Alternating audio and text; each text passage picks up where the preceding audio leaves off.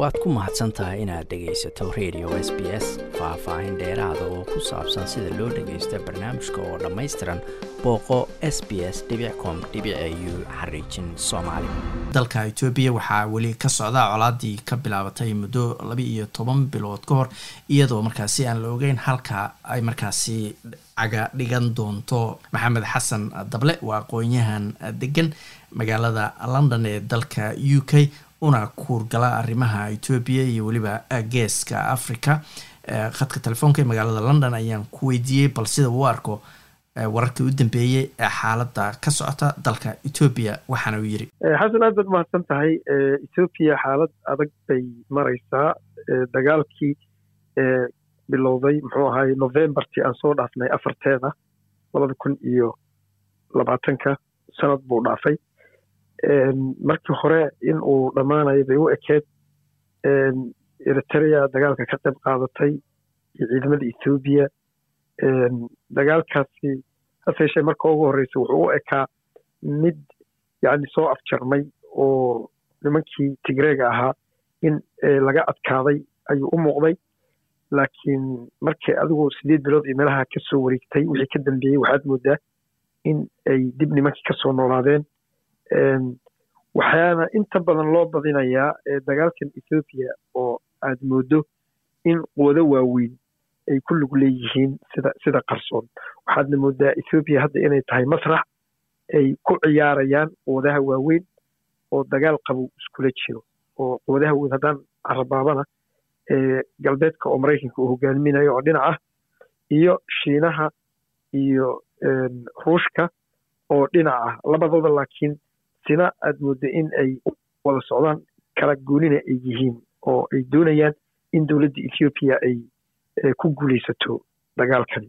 Iyagu taasay rabaan galbeedkana waxay doonayaan in abiye ama wadahadal uu ogolaado oo tigreegana meesha laga soo qaybgeliyo iyo gurubada kale si marka dowlad midaysan oo ethoobiya ah la isugu keeno iyo xal loo helo arrintan dheeraatay wadahadal lagu dhameeyo xal wadahadal lagu doono halkii ay xabad ahaan lahayd in xal lagu raadiyo.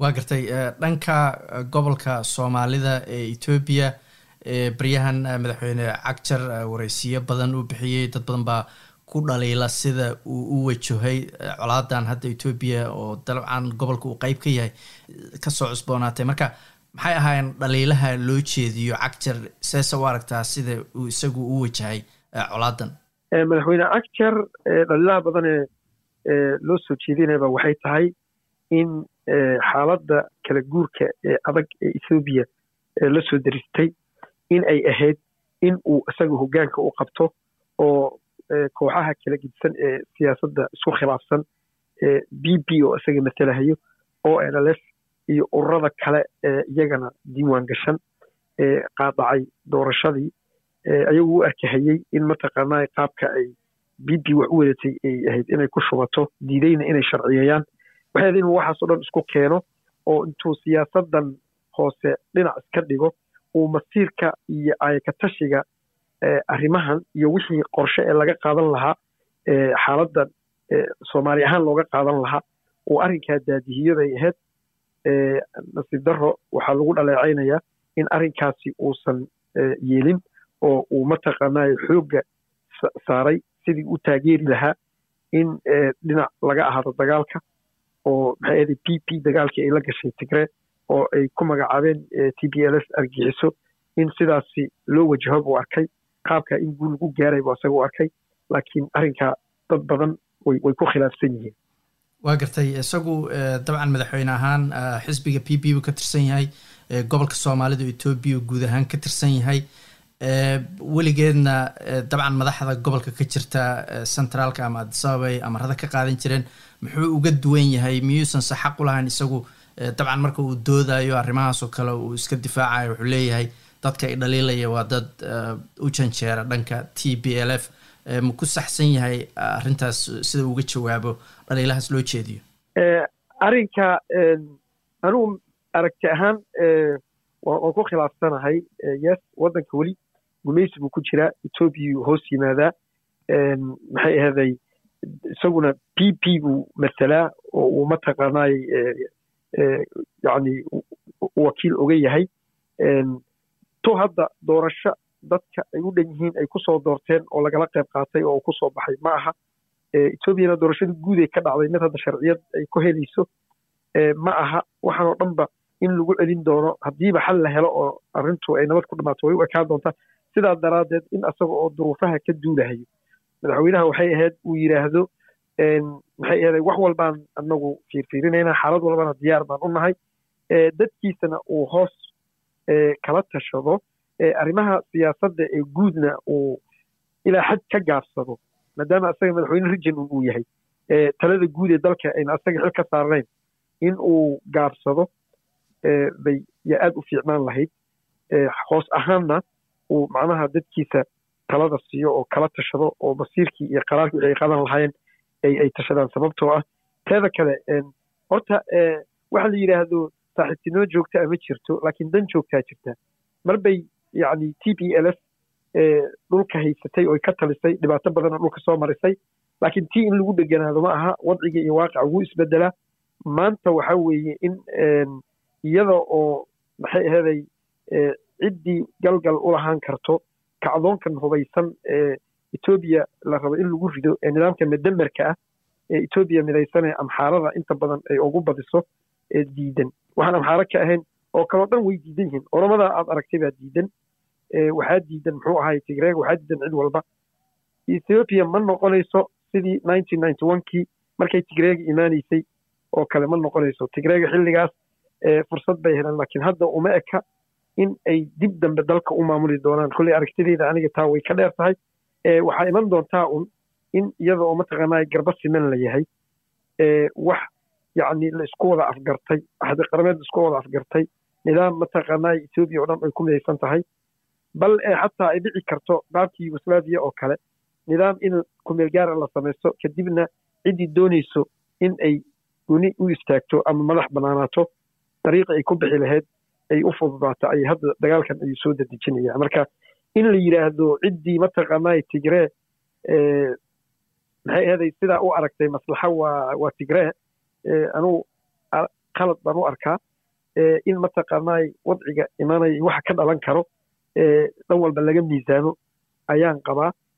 Marka haddii isaga p p uu macnaha taageersan yahay ama uu difaacayo ama uu wax ku raadinayo ninkii kale ee aragtida ka duwan wax ku raadinaya hadduu guulaysto si meeshaasi guushii aynan ooga qabin ka soomaali ahaan. Waxaan qabaa in meel hoose la iskaga yimaado oo tala hoose hoosta laga xariiro waxaa xusid mudan oromada way wada socotaa amxaarada way wada socotaa tigreega way wada socdaan marka soomaalida waxaa diiday inay wada socoto oo qadiyadeeda iyo duruufaheeda iyo danaheeda ay ka midowdo ayaa arrinkaas ayaa aad iyo aad arrin loola yaabo noqday. Waa garta maxamed oo oramada ma la dhihi karaa laftigooda waa kala qaybsan yihiin oo dabcan qaybna waxay taageersan tahay madaxweyne ab qaybna waa qoladan hadda tigreega ka garab dagaalamayso o l eda la yiraahdo marka lama dhihi karo soomaha oramadu dhinac bay u midaysanta lama dhihi karo laakiin waxa macno inuu samaynaya wanaagsan. Qolada ka soo horjeedo muxuu ahay abiye ayaa macno samaynaya waa qoladii isbeddelkana keenay. Waa qoladii kacdoonkii ay sameeyeen isaga sabab u ahaa in uu xilka qabto. Oo magac oromo uu ku qabto weliba si loo qanciyo oo loo dejiyo oromada waxaa ka mid ah jawar maxamed oo xiran iyo raggii kale ee ninkii caanka ah ee lagu dilay adis ababa iyo kumanaanka xiran de iyo hadda kumanaanka kale ee hubka qaatay. Waa gartay. Maxamedow dhanka kale gobolka soomaalida dabcan waxaa ka jira ururka o n l f iyagoo hub ka dhigay heshiis qaatay markii abi uu xilka soo fuulay. Haddase waxaad moodaa colaadan hadda dal ka socota inay ka aamusan yihiin. Marka iyaga maxay ka qabaan arrimaha socda? Istraatiijiyadooduma waxa weeye maadaama aysan hubin dhinaca u dhici doonta inay u aamusaan. Maxay iyagu hadda qorsheynayaan ama sidee bay u arkaan arrimahan hadda ka socda etoobiya koley o n l f iyadu waa alternative ama haddii mataqaanaay meesha maadaama urur mucaarada ay yihiin waa haddii isbeddel yimaado ciddii bedeli lahayd ayay ka mid tahay. Arrimaha hadda ay o n l f mataqaanaa wadwado oo in mataqaanaa dadka bal aragti ahaan la mideeyo waa kii mar ay ku dhawaaqeen in dhir dhabe laiskugu imaan doono oo ururada dhan ay halkaa ku kulmi doonaan mowqif midaysanna ay ka qaadan doonaan. Arrin initiative aada u wanaagsan buu ahaa iyo soo jeedin wanaagsan. Laakiin jawiga ay wax ku dhacayaan baa jawi colaadeed ah. Taa waxa suuragal ah marka waddanka gudihiisa inayna dhicin. Laakiin dadaaladaasi o nlf way wadaa o nlf inaad la socotay kale mooyaane xagga siyaasadeeda arrimaha dibadda runtii aad bay u dardargelisay. Qolo loobi ah baa la shaqaynaysaa congresska guddi ka mida maraykanka iyo senadkaba way is arkeen. Arrimihii shidaalka ayaa la soo hadal qaaday iyo waxyaalihii ka dhashay. Waxaa la soo hadal qaadayaa in mataqaanay deegaankaas soomaalida ah oo in badan lagabidxiinayey runtii uu noqdo mid kulamada imaan doona in laga soo qeybgeliyo ay waajib tahay. Marka o n s dhankaas ayay hadda xooga saartay kolley sagaalkii urur maxay ahaday washington lagaga dhawaaqay o n l f iyo nimanka tigraaga iyo o n l f iyo ururadaas oo dhan inay macnaha hoos ahaan ka biyadiidsan yihiin nidaamkan dowladda ethoobiya oo ay arkaan in badiil la sameeyo oo nidaam kale meesha oo weliba saas ayay u badan tahay dadaalka ay wadaan waa gartay dhowaan waxaa jiray maxamedow kooxa iyaguna ku shiray washington d c oo qoraal la soo saaray iyo sida ay u arkaan xalku inuu yahay maaragta markaasi rabay in abi uu iscasilo waddankuna nidaam confederacy ah uu markaasi noqdo soomaalida dad baa uga qeyb galay inkastoo qaar ay leeyihiin ururka o n l f bay xubnahaas ka tirsanayaan dadna ay leeyihiin kama tirsana. Marka taageero intee la eg buu barnaamijkaas washington d c looga dhawaaqay ka haystaa qowmiyadaha kala duwan iyo shacbiyadaha kala duwan ee etoobiya oo soomaalidu ay ka jirto nidaamka confederacyna ma arrin taaloo doodeedu ka jirtaa dalka iyo dibadda? Arrintaas waa arrin jirto dal iyo dibadba doodeeda way socotaa ethoobiya waxay ku guul daraysatay weligeedba qadiyadda wadaniyadda. Wax common ah ama ay ka siman yihiin qowmiyadaha kala gedisan oo qarannimo ah oo midayn karo waa la waayey waxay ahayd qaab imbaradoriyad bay ku dhisneed waxay ku dhisneed xoog iyo isku karkar iyo qasab in lagu wado. Waagii xayla salaasi iyo ka sii horaba kadibna waxaa kacdoonkii jaamacaddii adis ardaydii toddobaatan iyo afartii markii uu dhici doono muxuu ahay mingisto wuxuu la wareegay. Ayaa waxay yidhaahdeen ayaga oo nidaamka socialistka ah ee stalin ka shidaal qaadanayo baa waxay yidhahdeen waxaan keenaynaa waxa la yidhaahdo national answer macnaha jawaabta mas'alada qarannimada etoobiya qarannimo loo midaysan yahay. Tiina way ku guuldaraysteen nimankii dergi ahaa uu hogaaminayey mingisto kadibna t p l f baa waxay tiri annagaa jawaabtii keenaynaa dastuur kalena keeneen kun sagaal boqol iyo sagaashan iyo shantii ku saabsan ethnic federalismka ama federalismka ku dhisan isirka tiina sidii la rabay umayna meel marinin oo waxay noqdeen urur military ah oo iska nidaam dictatori ah dalka ku waday oo inkastoo qaab dhismeedkii ay diyaariyeen laakiin aynan mataqaanay fulintii aanan si rasmi a loo fulin. Marka hadda khaladaadka inay wax ku saxaan ay tahay ba waxay tahay in dib dambe aan la isku aamini doonin in qaabka luuska ah ee dabacsan ee laiskugu xiran yahay centerka iyo iyo geesaha ay noqdaan muxuu ahay wax sidaas confederate ah ku dhisan.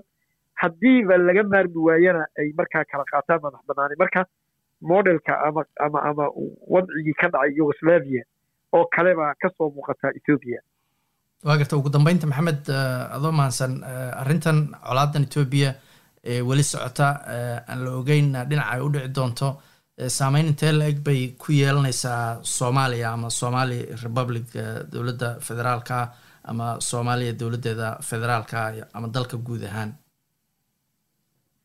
Arrintan labada dhinacba waa la dhihi karaa dhib iyo dheefba way ku yeelan kartaa. Haddaan dheefta ku hormaro ethoobiya waxay ahayd caqabadda ku ahayd jiritaanka soomaaliya. Caqabad ku ahayd bay ahayd ethoobiya quwad rijinka ama ama ama ama deegaanka aynu ku naalnay ee geeska africa intii burburka soomaaliya ay burburtay awoodle bay ahayd waxayna aad ugu yeelatay saameyn iyo faragelin toos ah oo aan qarsoonayn arrimaha gudaha ee soomaaliya. Heer yacni ay gaarsiisay macnaha soomaaliya in ay yacni wakiilato shakhsiyaad maxay ahaday ethoobiyan ah oo ay maxay ahaday oday qabiileedkii oo kale ama oday dhaqameedyada ayaga ay sameynayeen. Inta hadda etoobiya ay isku mashquulsan tahay ee ay xasilooni darre iyadoo ka taagan tahay. Fursad baa halkaas taalla ah. Soomaaliya in ay fargelintaasi ka nasan doonto. Hordhaceedina la arkayba. Hadda intuu abiyi qabsaday uu ku jiray transitionka soomaaliya waxaad moodaa in ay ka yar nasatay. Fargelintii xagga etoobiya kaga imaan jirtay. Laakiin fursadda tani hadda rijinka ka abuurmatay ee ah qaska etoobiya iyo xasilooni darrada etoobiya inta etoobiya isku mashquulsan tahay in laga faa'iideysto ka deegaan ahaan ma jiraan dad fursaddaa arko oo ka faa'iideysanayo iyo ka xukuumad ahaan dowladda soomaaliya ma jiraan madax diyaar u ah inay ka faa'iideysato aniga ioma muuqdaan hadda dadki ka faa'iideysan lahaa hadday noqoto dowlad deegaanka iyo hadday noqoto dowladda soomaaliyaba ma arko.